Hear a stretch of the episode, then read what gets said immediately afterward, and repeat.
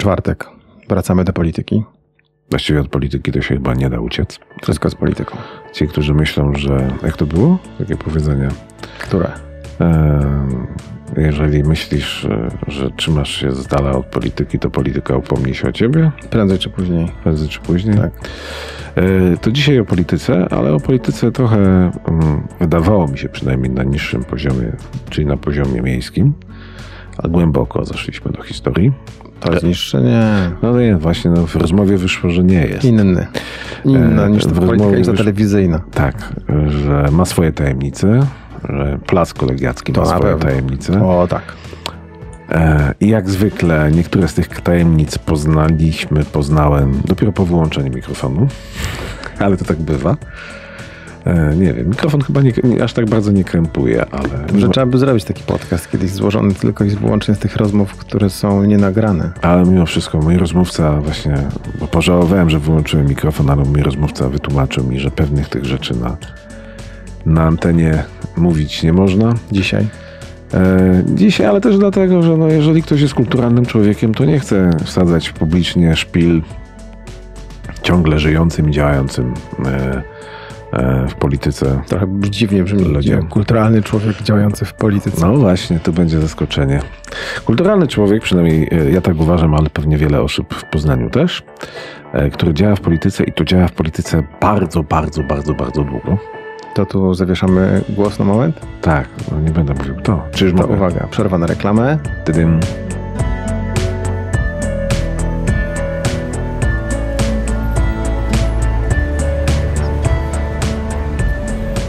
Nagranie i produkcja podcastu szumstudio.pl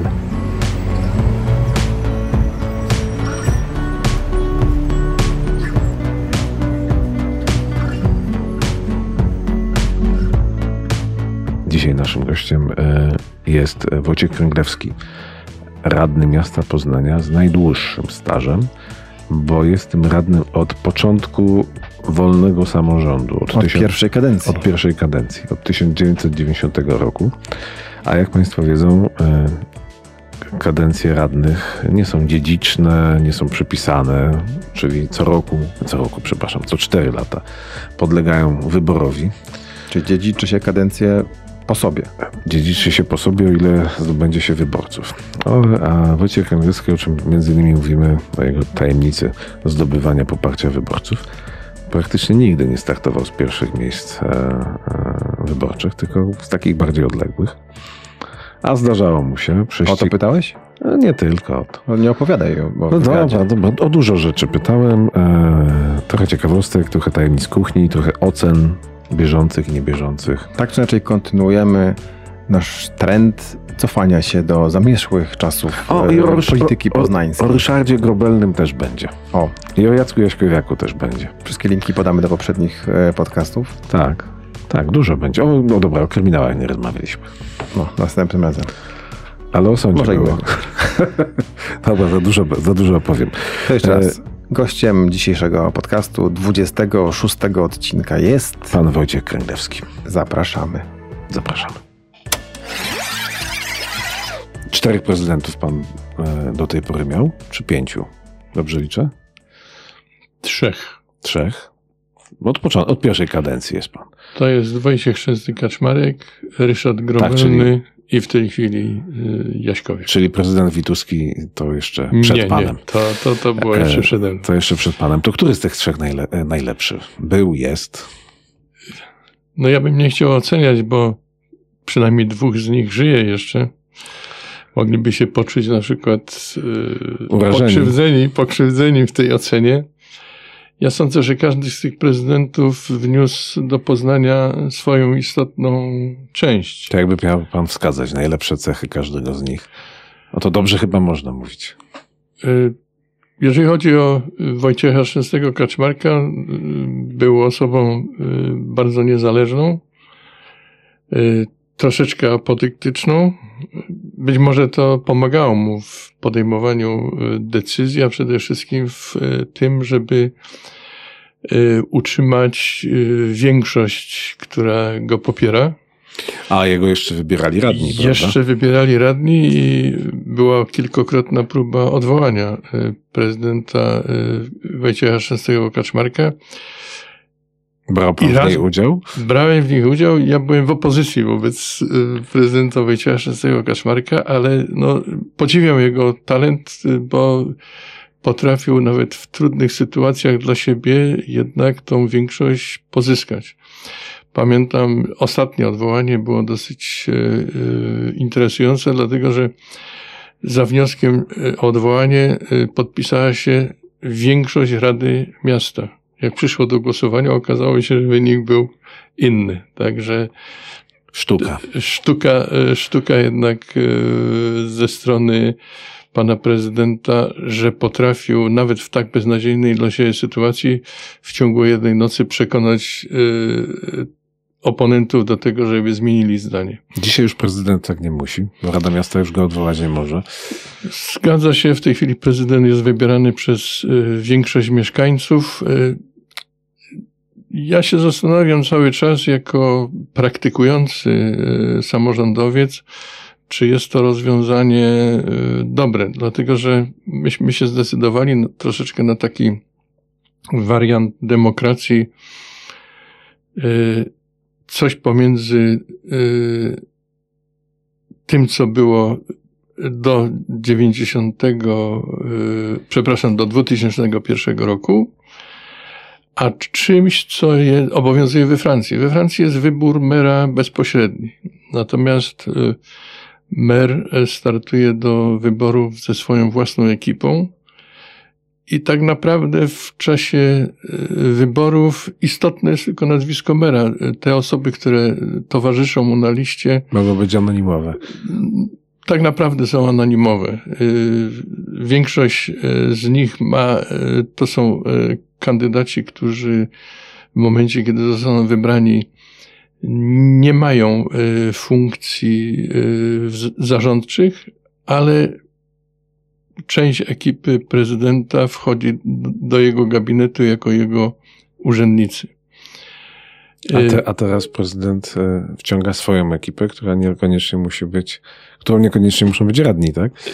E, radni nie mogą być. Hmm. Radni w momencie, kiedy któryś z radnych zdecydował się albo na stanowisko urzędnicze, albo na bycie zastępcą prezydenta, w tym momencie musi złożyć mandat do reformy samorządowej, w której zostaje powołane powiaty i e, regiony i w momencie, kiedy e, Sejm podjął decyzję, żeby wybory były na prezydenta bezpośrednie, no w tym momencie e, jakby skończyła się sytuacja, w której z rady mogły wchodzić osoby do zarządu czy na stanowisko urzędnicze pełniąc jednocześnie funkcję radnego.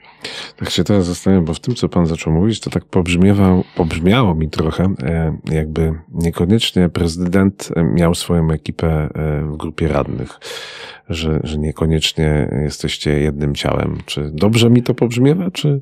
Nie, ta, tak nie jest, dlatego że do wyboru idziemy wprawdzie w dwóch osobnych głosowaniach, dlatego że głosowanie na prezydenta no, jest. Jako przedstawiciele Platformy Obywatelskiej. Ale jako przedstawiciele Platformy Obywatelskiej i w tym momencie prezydent Jaśkowiak był naszym naturalnym kandydatem na, na następną kadencję na prezydenta. Wobec tego tutaj no, lojalność obowiązuje obie strony, że y, idąc y, na takie rozwiązanie, niejako y, zakładaliśmy, że w momencie, kiedy y, Platforma, Koalicja Obywatelska wygra wybory, to będzie naturalnym zapleczem i wsparciem dla prezydenta, który idzie pod szyldem Koalicji Obywatelskiej. To aż kusi, żeby zapytać, czy w następnych wyborach będzie miał takie poparcie prezydent.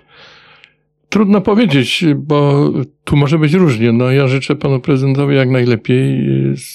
Sondaże, które ostatnio były publikowane, raczej może spać spokojnie, ale pamiętam e, e, te wybory, w których przegrał prezydent Ryszard Grobelny.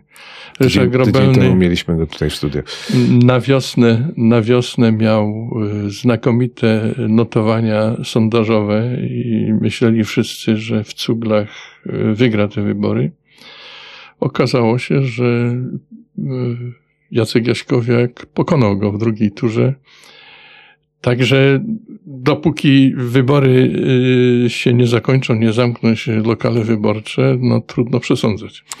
No dobra, to do tego czasu to jeszcze trochę wody warcie upłynie, ale zacząłem pytać o zalety prezydentów, o Szczęsnym, pan już mówił, mm. Wojciechu Szczęsnym Kaczmarku, e, no to jeszcze Ryszard Grobelny i Jacek Jaśkowiak nam zostali. E, Ryszard Grobelny z natury technokrata, przy tym technokrata, który bardzo nowocześnie myślał o mieście, zresztą do, do tej pory sądzę, że myśli o mieście, umiał podejmować odważne decyzje. Y, tą odwagę niestety stępiło trochę, y, y, stępiła się ta odwaga w momencie, kiedy zarzucono prezydentowi ominięcie prawa przy sprzedaży gruntu Kulczykowi pod Stary Browar. I, i wyszedł prezydent z tego procesu no, mocno poraniony. Trwał on kilka lat. Y, I Ale w koniec końców wygrał. W końcu wygrał, zresztą w drugiej, y, w drugiej instancji y, sąd zamiast aktu oskarżenia odczytał panu prezydentowi dosyć piękną laurkę jak na sąd. Ja mam do dzisiaj to u siebie na płytce. Nie odsłuchałem jeszcze poza tym pierwszym razem. I e, żałuję, dlatego że e, prezydent Grobelny w tym momencie no, e, niejako stał się bardziej ostrożny. Już nie podejmował takich odważnych inwestycyjnych decyzji, bo zawsze miał w świadomości, że komuś może się to nie spodobać i narobi mu kłopotów. To teraz jeszcze czas na obecnego prezydenta. Czy jemu też takie grozi lęk przed podejmowaniem ryzyka? No, prezydent Jaśkowiak y, jest osobą dosyć zdecydowaną, tak, taką wyrazistą, y, chociaż niekoniecznie pomaga temu w rządzeniu, dlatego że on y, czasami wypowie słowa, które później idą w świat i z których musi się e, tłumaczyć. Delikatnie mówiąc, internet kpi, jeśli tylko internet, tak? I, i ja e, jednak doradzał mu, bym mu, żeby jednak e, pewne przemyślenia, które publicznie ogłasza, żeby te przemyślenia jednak miały jakiś czasokres rzeczywiście przemyśleń, bo to mu na, na, robi dosyć sporo takich kłopotów y, wizerunkowych. No aż pana muszę zapytać, czy pan pamięta, żeby się panu zdarzyło palnąć jakąś głupotę? O, raz, raz mi się, miałem debatę w telewizji polskiej w pierwszej kadencji jako lider opozycji. E, miałem debatę z prezydentem Wojciechem Szczęsnym Kaczmarkiem i e, publicznie zresztą bez złych intencji, po prostu użyłem takiego bonmotu, mówiąc, że za prezydenta Wojciecha XVI Kaczmarka Poznań kuleje. Natomiast w tym momencie sobie skojarzę, że, że prezydent Kaczmarek miał fizyczną ułomność, która po powodowała, że chodził o lasce, no i to wyszło no, dosyć zabawnie. Wypominał to panu? Wypo nie, nie, on mi nie wypominał, natomiast Gazeta Wyborcza obdarzyła mnie czarną pyrą. Zdarzyły się jeszcze później jakieś czarne pyry? Nie, nie. Później już raczej, raczej nie. No to szczęśliwe, rany, liczę, 30 lat ponad. 33. To było 32 lata temu. 32, nie, a, a... Przepraszam, 31 lat temu. Tak, ale jest pan radnym 33 rok. 33 rok. Najdłużej. Ze wszystkich radnych. Najdłużej ze wszystkich radnych nie ma już w tej chwili nikogo w Radzie Miasta, który by mógł się mm, poszczycić takim samym Czy moglibyśmy zrobić odcinek pod tytułem Tajemnice Placu Kolegiackiego? No i nie sądzę. Ja, ja, sądzę, że dużo więcej mają urzędnicy do powiedzenia. Radni z natury są gośćmi w urzędzie tylko podczas posiedzeń komisji czy podczas sesji plenarnych e, Rady Miasta Poznania. Natomiast no nie uczestniczą w tej kuchni, czyli e, w tych, tych wszystkich działaniach, które powodują, że nasze decyzje oblekają się w ciało i są realizowane. No ale dosyć bywają sesje, które są bardzo energetyczne, tak bym powiedział. Tak, to, to, to zdecydowanie i to jest właściwie miało miejsce od początku, od pierwszego, od pierwszego dnia, co, kiedy Rada Miasta, a coś się zmieniło? Demokratyczna Rada Miasta funkcjonuje. A coś się zmieniło przez te lata? Widzi Pan takie, miał Pan ocenić, jak się samorząd zmienił, jak same deba debaty, dyskusje Sami radni się zmienili. No jest, przede wszystkim ta debata jest troszeczkę bardziej uporządkowana, to mogę policzyć na plus. Natomiast na minus, no niestety, ale debata się mocno upolityczniła. Nie ma jakby perspektywy patrzenia tu i teraz w Poznaniu. Raczej e, radni, którzy są członkami e, klubów politycznych, przy wypowiadaniu, czy przy podejmowaniu decyzji, y, czy wyrażaniu opinii, jednak cały czas mają w tyle głowy, że są członkami jakiegoś ugrupowania, wobec tego niekoniecznie ich wypowiedzi są obiektywne. Czyli innymi słowy, e, jednym narrację pisze Jarosław, a drugim pisze Donald?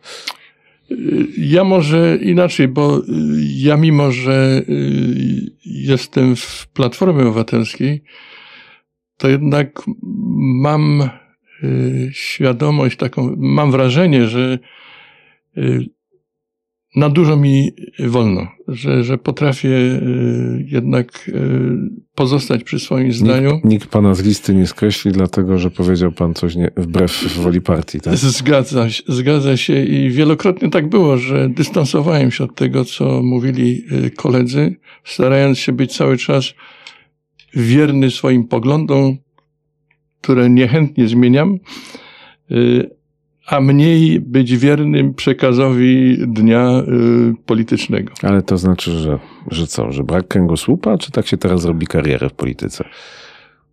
Y, pierwsza Rada Miasta była skonstruowana troszeczkę inaczej niż następne, dlatego że ta pierwsza rada, która y, została wyłoniona y, w procesie, bardzo, bardzo demokratycznym procesie, dlatego że najpierw powstały komitety obywatelskie, później w tych komitetach obywatelskich łącznie z, Solidarnością doszło do prawyborów i w ramach tych prawyborów zostali z tej całej licznej rzeszy członków komitetów obywatelskich, które lokowane były w różnych miejscach Poznania, wyłoniona została rzeczywiście taka grupa najlepszych z najlepszych.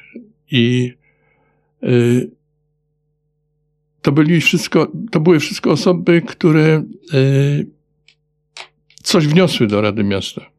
Mieliśmy bardzo liczną y, grupę profesorów, bardzo liczną grupę prawników już z dorobkiem w Palestrze, inżynierów, no i grupa e, młodych ludzi, do których ja wówczas się też zaliczałem, miałem wtedy 35 lat i doświadczenie polityczne ze stanu wojennego jako e, pierwszy przewodniczący NZS-u na Politechnice Poznańskiej. I e, pamiętam, że te nasze debaty oczywiście były bardzo gorące, bardzo ostre. Polaryzacja dosyć spora była, bo to, co już wspomniałem, że była ta grupa opozycyjna wobec Wojciecha Szczęsnego Kaczmarka i grupa go wspierająca, także wspieraliśmy się ostro, ale to był taki spór o zasady, o projekty, natomiast nie było tego tła politycznego. No i Poznań się wtedy, mimo że nie takie pieniądze miał do dyspozycji, to się jednak bardzo szybko wtedy zmieniał.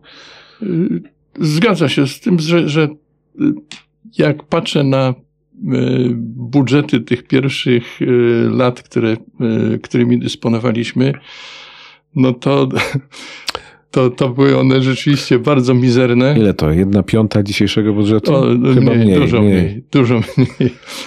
I y, rzeczywiście y, mieliśmy ograniczone kompetencje. Te kompetencje były stopniowo zwiększane.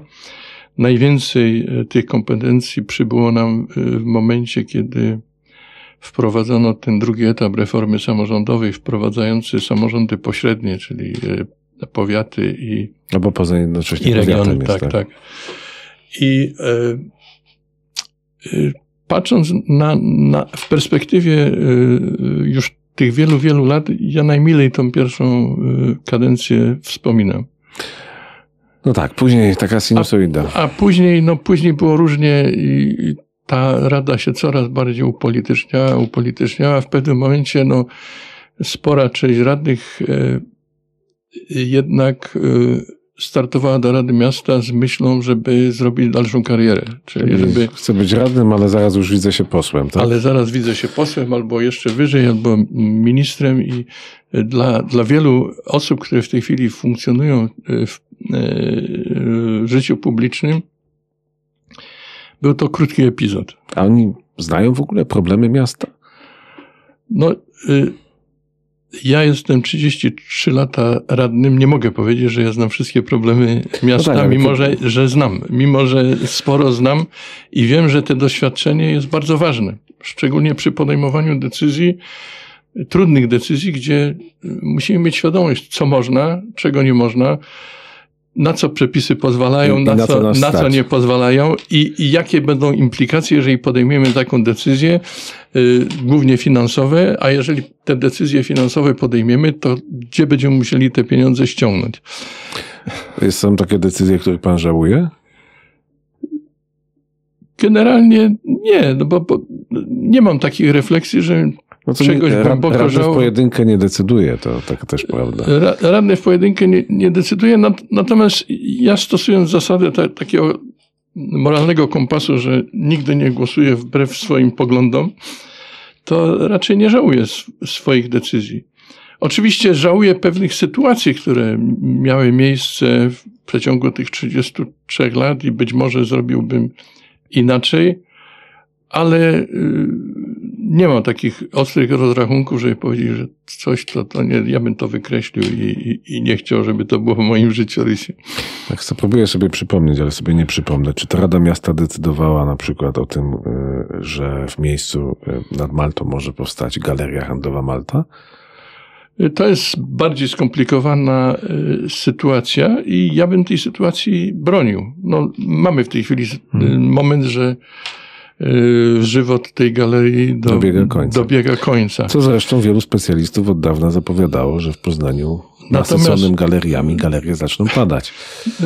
To jest normalna kolej rzeczy. Ja jako, jako przedsiębiorca, rynkowiec wiem, że to jest nieuniknione. Na całym świecie tak jest, że nie wszystkie przedsięwzięcia gospodarcze się udają i e, nawet te udane w pewnym momencie e, kończą się i, i muszą zrobić miejsce innym inicjatywom. Natomiast mało kto pamięta z poznaniaków, że e, na terenie obecnej Galerii Malta znajdowały się wojskowe zakłady sprzętowe i tam znajdowała się również dosyć duża stacja paliw z ogromnymi podziemnymi zbiornikami, wybudowanymi w czasach dawnych, które y, w momencie, kiedy była podejmowana decyzja inwestycyjna, były bombą ekologiczną, dlatego że one były wszystkie przeciekały i grunt był skażony do 15 metrów w głąb. Wobec tego y, inwestor dostał zgodę na wybudowanie tej e, galerii pod warunkiem, że wymieni ten grunt. Tam oczywiście powstały e, parkingi, które e, no, upoważniały do zdjęcia tego całego nakładu ziemi, ale teren został całkowicie odkażony i zutylizowany. Także to jest ogromna zaleta niedługo świętej pamięci Galerii Malta. To tak z wieloma rzeczami w Poznaniu było, że pamięć ludzka jest krótka i szybko się zapomina. Tak było przecież ze Starym Browarem, gdzie ten zarzut, o którym pan mówił dla prezydenta, ale wszy- tak, za ja, dokładnie, sprzedał, ja a- dokładnie pamiętam, bo ja otwarcie wówczas wystąpiłem w obronie prezydenta y, Grobelnego jako przewodniczący Komisji Polityki Przestrzennej, uważając, że to by była decyzja słuszna i bynajmniej nie była decyzją, która graniczyła z zarzutami, y, która zasługiwała na, na zarzuty kryminalne.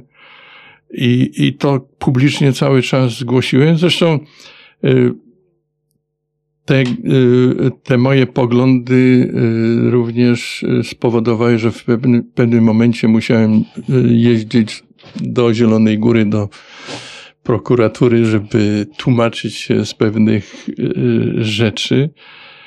Ale co, mógł być pan współoskarżonym? Nie no, sz- szukano, szukano możliwości y, znalezienia y, y, potwierdzeń zarzutów. Wobec tego y, pytano wszystkich, którzy mogli mieć ewentualnie udział w tej decyzji. Ja jeszcze dosyć ostro wystąpiłem wówczas w obronie zapisów studium uwarunkowań i kierunków zagospodarowania przestrzennego, które wówczas było procedowane jeszcze w starej ustawie, dlatego że była dosyć spora grupa, zresztą Gazeta Wyborcza tutaj zainspirowała taką akcję, żeby nie dopuścić do tego, żeby drugi etap y, starego browa- browaru powstał. Była taki, było, był taki list y, byłego prezydenta y, Jacka Maja, świętej pamięci, który oskarżył wręcz o, o to, że ten grunt został y, sprzedany Za tanio. za tanio i że on nigdy by takiego czegoś nie zrobił. A w związku z tym, że ja byłem przewodniczący Komisji Polityki Przestrzennej i ten list niby Jacka Maja do mnie dotarł, no to byłem w kręgu tych osób, których należało pytać i, i A nie, do, a prokurator... nie dotarł? Y, y, y, Oczywiście dotarł, ale dotarł taką drogą dosyć ciekawą, dlatego że dotarł y, poprzez y, pocztę urzędową i, i włożono mi ten list do teczki. No to była jedna karteczka, którą dopiero znalazłem w lutym, jak było po, po, po wszystkich decyzjach. Między innymi y, y, prokurator pytał, dlaczego wówczas, y, jak dostałem ten list, data była grudniowa, dlaczego wówczas nie zareagowałem jako przewodniczący. No ja powiedziałem, no ale... Ale jakby pan go znał, to by pan zmienił decyzję? Nie, no przede wszystkim zapytałbym prezydenta o, o powody takiej, a nie innej decyzji, natomiast nie wyciągałbym z tego żadnych wniosków, bo uważam, że sama transakcja była dla, dla e, miasta Poznania niezwykle e, dobra i zresztą o czym świadczy? No w tej chwili Gazeta Wyborcza, która wtedy ostro występowała przeciwko e, budowie drugiego etapu Starego Browaru, ogło, ogłosiła e, konkurs na ikonę Poznania. No i co, e, co zostało ikoną Poznania? No, stary browar. Także mam po latach satysfakcję, że gazeta, która wówczas ostro przeciwko, przeciwko staremu browarowi występowała, teraz mi przyznała rację, że rzeczywiście to była trafiona inwestycja. Natomiast co do zarzutów, że yy, Ryszard Grobelny sprzedał o parę milionów złotych za tanio ten grunt, no wystarczy wejść do starego browaru i zobaczyć e, jakość architek- architektury, jakość detalu, jaki tam jest. Trudno inwestora w takim wypadku posądzić o to, że szukał oszczędności w postaci 2-3 milionów złotych, skoro na te detale i na tą jakość archi- architektury wydał zdecydowanie więcej niż typowy inwestor, który w tego typu powierzchni inwestuje. Przynajmniej nadzieja, że nie upadnie też. E, ale macie chyba taką, właśnie sobie przypominam inne centrum handlowe, tylko nie wiem na ile obwinić Radę Miasta, czyli kupiec poznański i ten słynny wycinek gruntu, którego się nie udało załatwić przez tyle lat. To też jest cała historia, dlatego że to się wiąże z taką karkołomną decyzją yy, yy, kupców, żeby tam zbudować yy, dom handlowy z prawdziwego zdarzenia. No i z Tylko decyzją momencie- właściciela kawałki działki, na, Mm. na której stała i stoi do dzisiaj zresztą Tylko w momencie, kiedy... opiekarnia kurczaków, Mm. tak to można Tak, nazwać. tylko w momencie, kiedy ta decyzja była podejmowana, to plac, na którym stoi w tej chwili e, kupiec poznański, należał, nie wiem, do 20-25 właścicieli po kawałeczku. Nawet przyjechał inwestor z, ze Stanów Zjednoczonych, jakiś Polonus, który próbował to wykupić wszystko i rzeczywiście, że i on miał to wybudować. No ale połamał sobie na tym zęby, wobec tego w pewnym momencie odpuścił i sprzedał y, te grunty właśnie kupcom, którzy postanowili tam wybudować ten dom handlowy. No pech chciał, że y, jeden z właścicieli uparł się, nie wiem, upór y, godniejszy, ważniejszej sprawy, ale uparł się, że nie sprzeda za żadne skarby On swojego tam chyba kawałka. chciał, za, jak, za jakieś skarby chyba chciał, Nie, tego nie, on, on nie, nie. Z tego co wiem, on za żadne skarby tego nie chciał. Y, Powiedział, y, tłumaczył, że on sam y, się wybuduje. Zresztą przedstawiał również projekty, jak to zamierza ten kawałek zagospodarować. No niestety przepisy prawa w Polsce są takie, że nie było żadnej możliwości, żeby wywłaszczyć tego właściciela z tego drobnego kawałka. Zresztą wywłaszczyć nie za darmo, tylko za słuszne pieniądze, dlatego że kupcy oferowali temu właścicielowi dosyć spore pieniądze, żeby wykupić od niego ten kawałek. Jak życie pokazuje, do dzisiaj y, status quo zostało utrzymane i rzeczywiście ten budynek troszeczkę wygląda tak, jakby Czegoś mu brakowało. Y, y, ja- Jakby ktoś tam, jakiś y, pijany operator spychacza wjechał i część tego domu wyszczerbił. A myśli pan, że kiedyś to się zmieni? No muszą się przepisy przede wszystkim zmienić, które umożliwią, nie ma w tej chwili takich przepisów. Wywłaszczenie musi być w celu publicznym, a tu nie ma celu publicznego, wobec tego na razie jest jak jest. Poczekamy, zobaczymy. Tak właśnie się zastanawiam. Są jeszcze jakieś takie historie, e, które pan mile wspomina, albo bardziej krwiste historie Mhm. Placu Kolęgiackiego, które pan zawsze, zawsze wspomina? O, to, A, to, To jest- temat rzeka. to jest temat rzeka i tych, tych rzeczy takich, które są godne zapamiętania i, i zanotowania, no jest no, sporo. Z takich rzeczy, które ja osobiście dotknąłem, no to jest historia powstania y, parkingu podziemnego pod Placem Wolności. Y, To jest również historia o tym, jak czasami przewrotne by- bywa życie. Y, Zgłosił się do mnie pan Twardowski, członek rodziny, która jest właścicielem poznańskiego bazaru, zresztą świętej pamięci już. Y, Wówczas byłem przewodniczącym Komisji Rozwoju Gospodarczego, to było w pierwszej kadencji i poprosił o rozmowę i wtedy y, rodzina y, Twardowskich rozpoczęła właśnie taki krok po kroku remont i renowację bazaru poznańskiego. Zwrócił się z propozycją, czy miasto nie zechciałoby wybudować parkingu podziemnego pod Placem Wolności. Bo to pomoże uaktywnić cały Plac Wolności, te wszystkie banki, które są wkoło, właśnie hotele, które powstają, między innymi ten y, bazar poznański. Ja uznałem to, że to jest świetny pomysł i y, zaprosiłem go na, na posiedzenie komisji. Na komisji wypracowaliśmy pewne stanowiska i przekazałem to stanowisko prezydentowi Wojciechowi Szczęsnemu Kaczmarkowi. Y, Mimo, że byłem wobec niego w opozycji, ale y, trzeba oddać, że Wojciech Szczęsny Kaczmarek zainteresował się tym projektem i y, między innymi y, zlecił y, przeprowadzenie ekspertyzy, sporządzenie ekspertyzy, która uzasadni takie inne rozwiązanie. No i ta ekspertyza była niezwykle pozytywna dla tego projektu.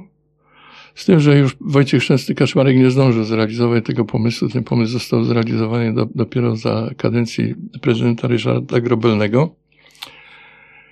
I kiedy zaczął budowany być, to powstała opozycja wobec tego, yy, wobec tego. Jak zwykle chciałoby się powiedzieć. Wobec tego parkingu, ale zabawne. Wówczas już yy, pan Twardowski yy, nie żył. Byli jego następcy.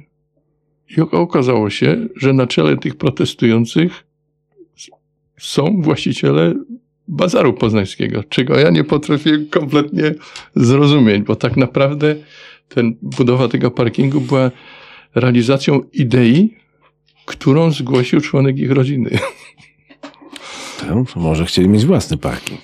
Także, że no, tych sytuacji takich jest dosyć sporo. No. Pamiętam, że wtedy się mówiło, że taki parking powinien powstać pod każdym poznańskim placem, ale na planach się skończyło. Y, druga, y, druga taka sytuacja to była z budową tego. Y, oponenci mówią o tym, o, o, o tym zamek Gargamela.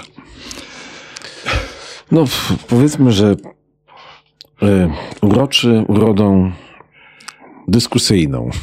Inaczej, on pięknie się komponuje, jak się idzie ulicą Wielką w kierunku Starego Rynku.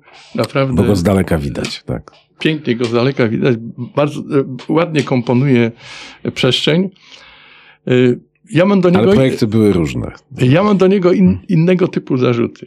Natomiast znowu. A jakie? Przewrotność, przewrotność yy, sytuacji, które, które w czasie się dzieją. Yy, w Radzie Miasta siedziałem obok y, świetnego historyka sztuki, zresztą wspaniałego człowieka skądinąd, y, y, profesora Skuratowicza, który właściwie dzielił czas uczestnicząc, w posiedzeniu Rady ze swoją pracą naukową. On był zapalonym historykiem sztuki, a jego takim konikiem był Zamek Królewski e, w Poznaniu. Który nie wiadomo tak do końca jak wyglądał. Ale e, on e, miał dosyć daleko posunięte studia, jeżeli chodzi o, o, o ten element i przy okazji tak z ciekawości rozmawiając z nim i oglądając co on tam, tam robi i rzeczywiście no, przygotował dosyć ciekawą koncepcję odbudowy tego zamku, która na mój taki y, ogląd profana niewiele się różni od tego, co w tej chwili jest zrealizowane. Ale niech zgadnę, nie podoba mu się. Nie podoba I był jednym z głównych oponentów tego, tego zamku. Y, natomiast moje zarzuty są jedynie co do jakości materiałów, które zostały wykorzystane do budowy tego zamku. Bo takich rekonstrukcji jest sporo. No, całe Stare Miasto w Warszawie jest zrekonstruowane tak na dobrą sprawę od, prawie że od zera, bo było zrównane po powstaniu warszawskim z ziemią. To samo można powiedzieć o Starym Rynku w Poznaniu, bo zdecydowana większość kamienic ona jest odrestaurowana praktycznie od, od ruin. No, oczywiście można, y, można dyskutować na temat tego, jaka jest jaka była prawda historyczna, jak ten budynek w rzeczywistości wyglądał.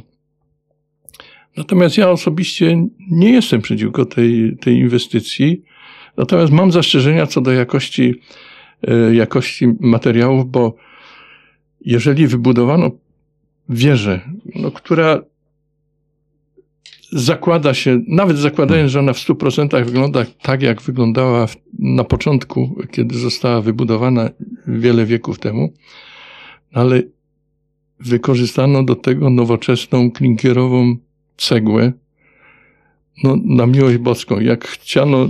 To, wtedy takiej nie było. wtedy takiej nie było. No, no, trzeba było troszeczkę jednak tych pieniędzy więcej wydać.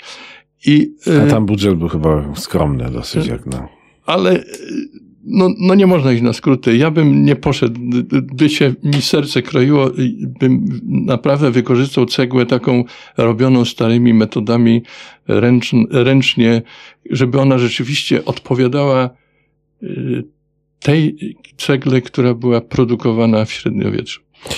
To zapytam o czasy bardziej współczesne. Świętego Hmm. Marcina zrobiłby pan tak, jak jest, czy inaczej widziałby pan tą ulicę? No, y, poczekamy na ocenę tego y, całego przedsięwzięcia w momencie, kiedy to zacznie Wszystko? funkcjonować. Ja miałem troszeczkę inny pogląd, y, dlatego że ja, y, jako osoba, która była mocno zaangażowana w politykę mieszkaniową Poznania, uważałem, że rewitalizacja powinna iść od tych kamienic. Czyli najpierw remontujemy to, co patrzy na święty Marcin. A, a później dopiero jako ostatni element, ten taki wisienka na torcie, zrobić e, remont, e, remont świętego Marcina. I tutaj różniłem się z prezydentem Wiśniewskim, który jednak był za tym, żeby rozpocząć od rewitalizacji, tą rewitalizację od modernizacji i remontu ulicy Święty Marcin. Kto będzie miał rację, kto ma rację w tym sporze, to okaże przyszłość. Na razie mamy wkurzonych poznaniaków. Na razie mamy troszeczkę wkurzonych poznaniaków, ale no y, inaczej nie idzie. No, jak, jak jest prowadzony remont, to ten remont y, powoduje szereg utrudnień. No, Ale wszystko wskazuje na to, że na następne wybory wszystko będzie skończone. Y, Ja sądzę, że tak. Zresztą to wszystko zmierza ku szczęśliwemu końcowi. Mam nadzieję, że y, mieszkańcy Poznania zdążą się na tyle nacieszyć nową inwestycją, że ta złość im przejdzie. To teraz to mnie naprowadza na pytanie o to, czy będzie pan e, kandydował do, to będzie dziewiąta kadencja? To będzie wtedy dziewiąta kadencja. Na dzień dzisiejszy 50 na 50. Tak cały czas się zastanawiałem. E, Pan jest przedsiębiorcą. Mhm. Na brak pieniędzy i, i, e, i zajęć narzekać pan nie może. Chyba, mam nadzieję. E, To po co to panu ta Rada Miasta? No, ja jestem poznaniakiem z dziada pradziada.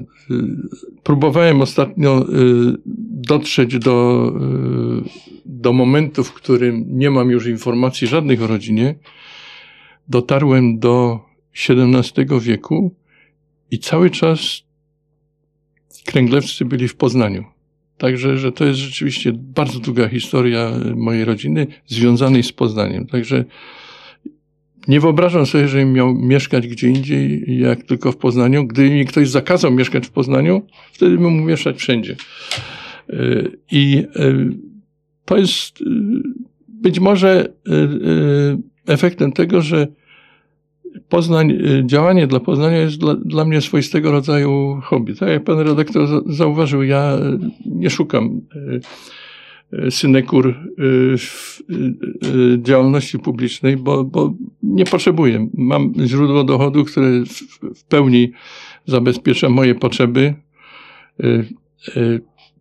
Jako ojciec pięciorga dzieci, w tej chwili już dziesięciorga wnucząt, Tylko pogratulować. To, to czasu pan ma mało.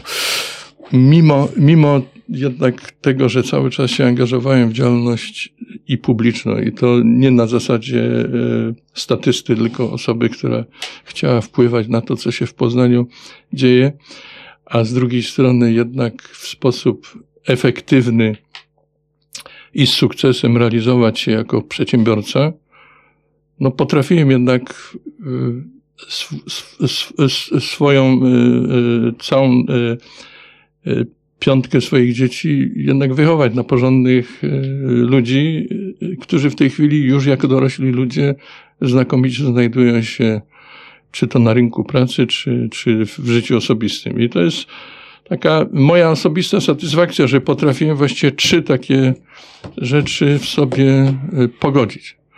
Natomiast co do mm, mojego funkcjonowania w Radzie, y, powiem troszeczkę o moich koneksjach rodzinnych.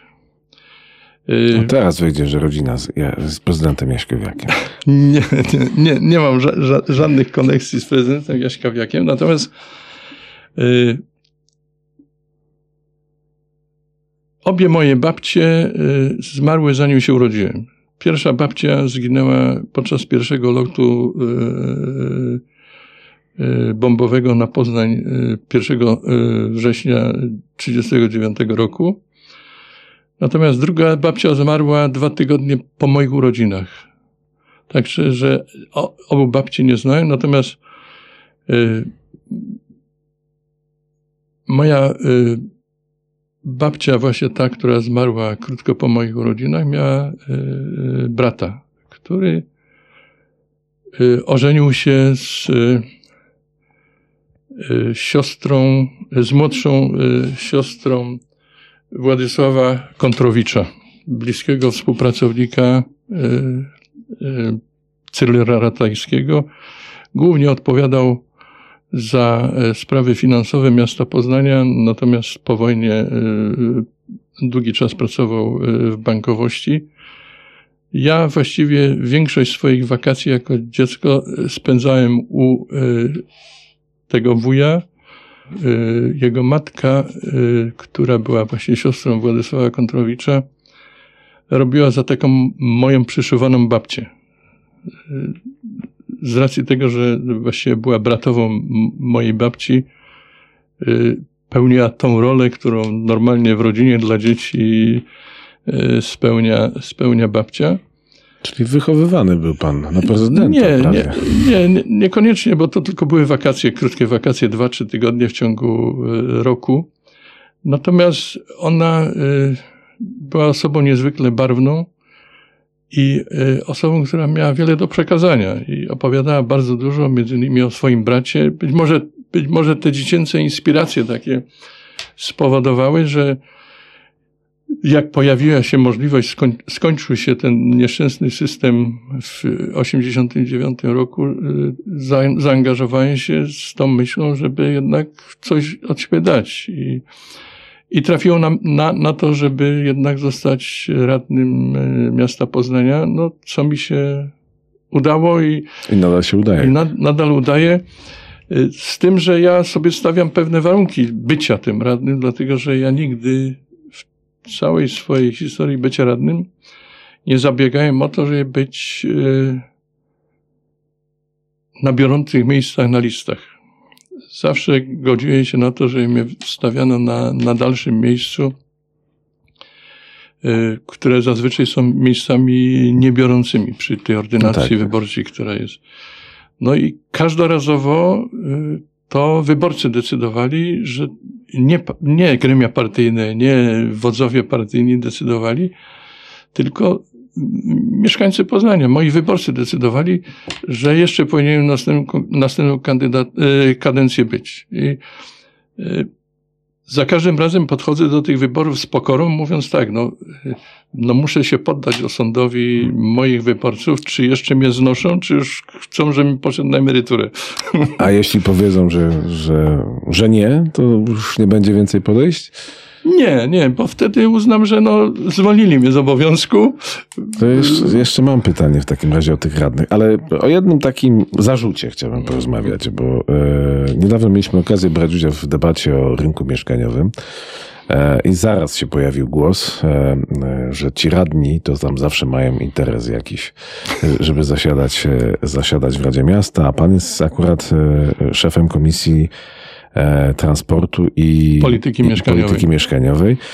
No i, że tak powiem, kropki dodano e, dosyć umiejętny, bo jest pan też e, w Radzie Nadzorczej dewelopera. Zgadza się. No i tu się pojawił zarzut, więc chciałem, żeby pan się do takiego zarzutu odniósł, że czy to nie jest konflikt interesów, to po pierwsze.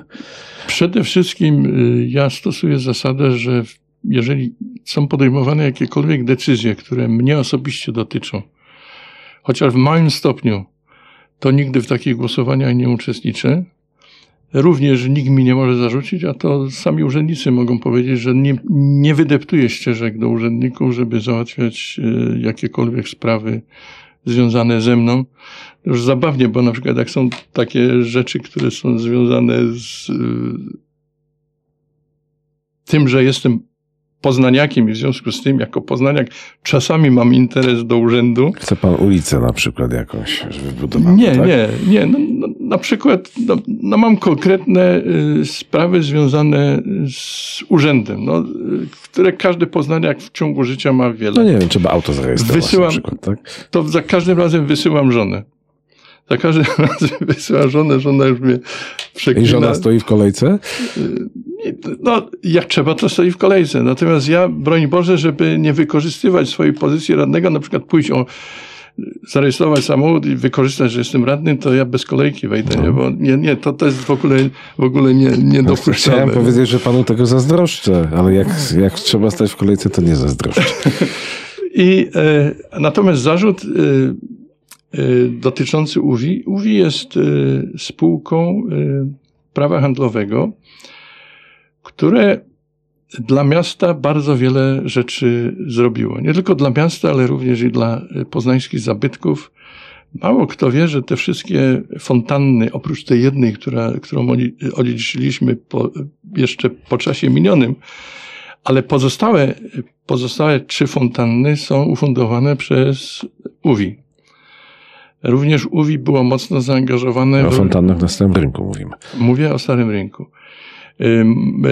UWI było mocno zaangażowane w renowację zabytków, zabytków sakralnych. Świętej pamięci Jacek Cenkiel, który moim serdecznym przyjacielem od, od zawsze, y, y, był, y, byłem na jego pogrzebie i usłyszałem wiele rzeczy, sam byłem zaskoczony, bo nie wiedziałem, ile on dobrego zrobił dla właśnie dla Poznania, dla, dla poznańskich zabytków. Jednocześnie UWI jest fundatorem nagrody, e, e, corocznej nagrody e, architektów Jana Baptysty de Quadro. Niejako zgodziłem się być członkiem Rady Nadzorczej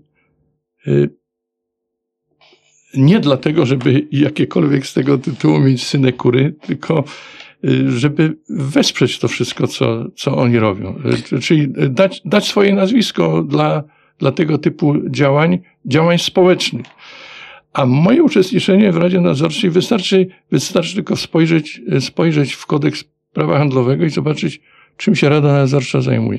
Rada Nadzorcza nie zajmuje się zarządzaniem, nie, y, nie zajmuje się organizacją inwestycji, nie zajmuje się załatwianiem gruntów, tylko Rada Nadzorcza zajmuje się nadzorem głównie pod względem formalnym, finansowym e, działania spółki.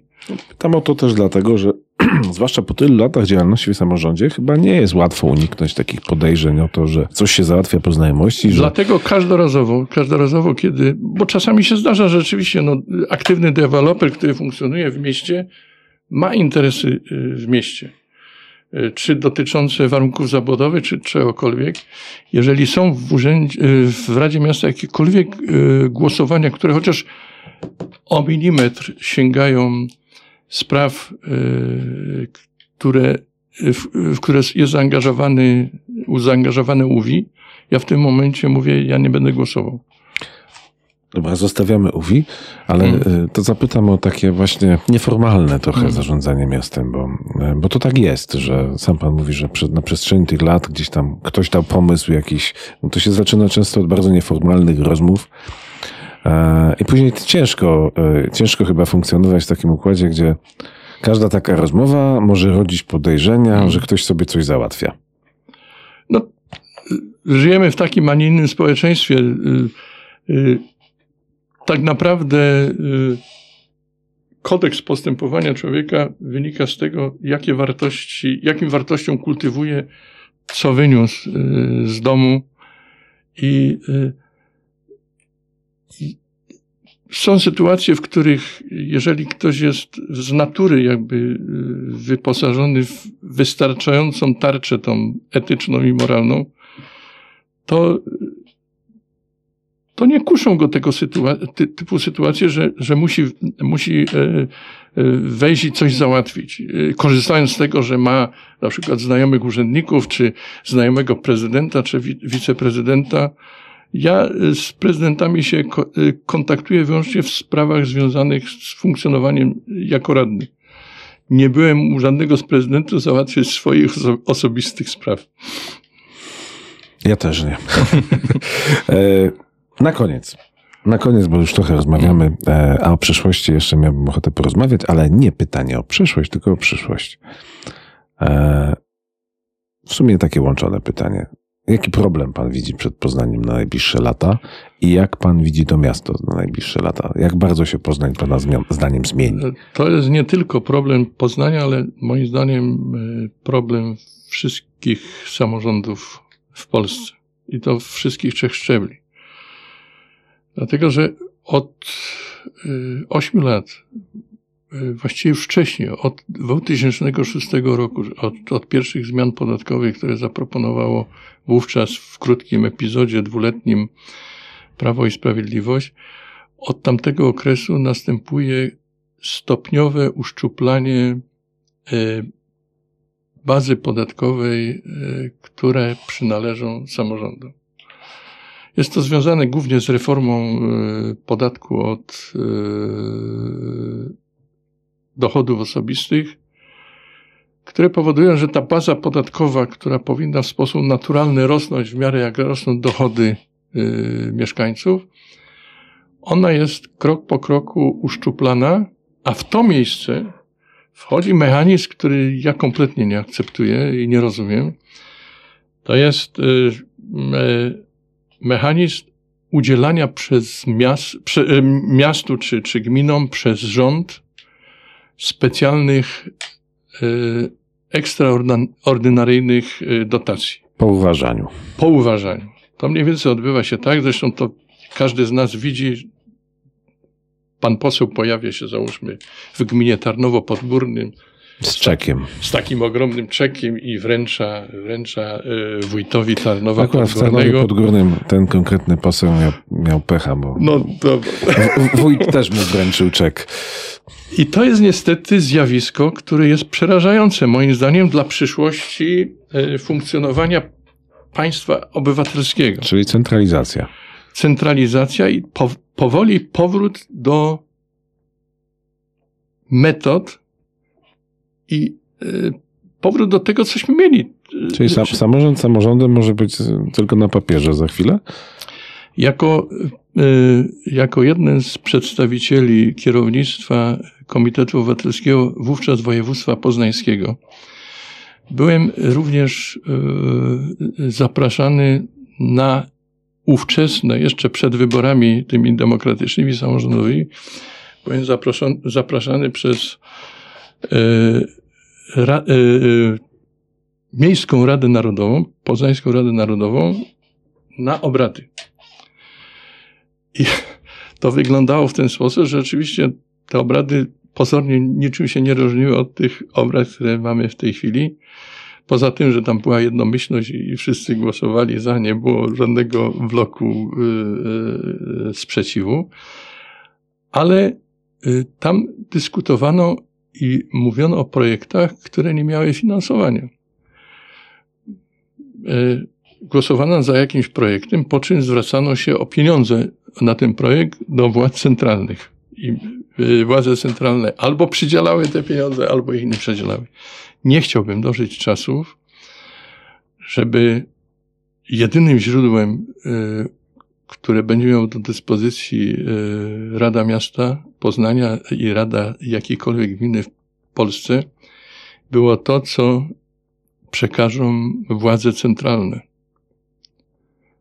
A niestety to, co się dzieje w tej chwili i stopniowe jakby odbieranie tych pieniędzy, które ustawowo były przynależne gminom, powoduje, że my mamy jako miasto coraz więcej kłopotów z dopięciem budżetów i z przygotowaniem inwestycji, które powinniśmy zrobić. Gdybyśmy mieli ten system finansowania, który jeszcze był 8 lat temu, to byśmy w tej chwili mieli jakieś 30-40% więcej pieniędzy do dyspozycji niż mamy. Jak dobrze liczę w skali Poznania, to mówimy o kwotach rzędu 600, 800, miliard, milia, milion, miliard złotych? Zgadza się. Za miliard złotych to się buduje całą nową linię tramwajową, długą. I, i tak? y, Natomiast tłumaczenie, zresztą to opozycja często podkreśla w tej debacie w Radzie Miasta, przecież cały czas nam te dochody rosną. No z podatku, e, e, z PIT-u czy tam z CIT-u cały czas rosną. Tylko, że y, odnosi się do, to do cen stałych sprzed ośmiu sprzed 8 lat, gdy tymczasem inflacja galopuje, bo mamy inflację dwucyfrową, prawie 20% za ubiegły rok. W tym roku będzie troszeczkę lepiej, ale też nieciekawie. I to y, y, patrząc na, w cenach stałych, okej, okay, to tam te parę milionów nam więcej wzrośnie. Natomiast patrząc y, dynamicznie y, w cenach aktualnych, a przede wszystkim w cenach y, usług, z których miasto korzysta, z wysokości płac, które miasto musi zapłacić swoim pracownikom, którzy i tak dobrze nie zarabiają. No, którzy moim zdaniem zarabiają skandalicznie mało ale to niestety jest przyczyna w tym, że y, no, miasto, chcąc realizować swoje cele, no, musi balansować na, na, na różnych poziomach i szukać takich rozwiązań, które pozwolą z jednej strony realizować y, inwestycje, z drugiej strony utrzymać stan osobowy urzędów. Tej urzędnicy uciekają y, do prywatnego sektora z prostego względu. Bezrobocie w Poznaniu jest raptem 1%, czyli praktycznie jakby go, jego w ogóle nie było. Ja jako przedsiębiorca, który pamiętam czasy, że jak ogłaszałem nabór na pracowników, to miałem kolejkę przed, y, przed, swoi, przed swoim budynkiem, to w tej chwili na ogłoszenie o pracę pojawia się jeden, dwie, trzy osoby maksymalnie. Także, że to i, i nie ma jeszcze z czego wybierać. Także yy, przed Poznaniem stoi szereg wyzwań, szereg takich problemów, które będzie trudno rozwiązać. No, bez kasy się nic yy, nie zrobi. To liczmy na to, że jednak się uda. Ale teraz już musimy niestety kończyć, więc mam nadzieję, e, że uda się Pana jeszcze tutaj zaprosić. Bardzo proszę. Dziękuję bardzo. Moim Państwa gościem był e, Wojciech Kręglewski, radny z najdłuższym stażem w Radzie Miasta Poznania. Dziękuję bardzo. Dziękuję bardzo.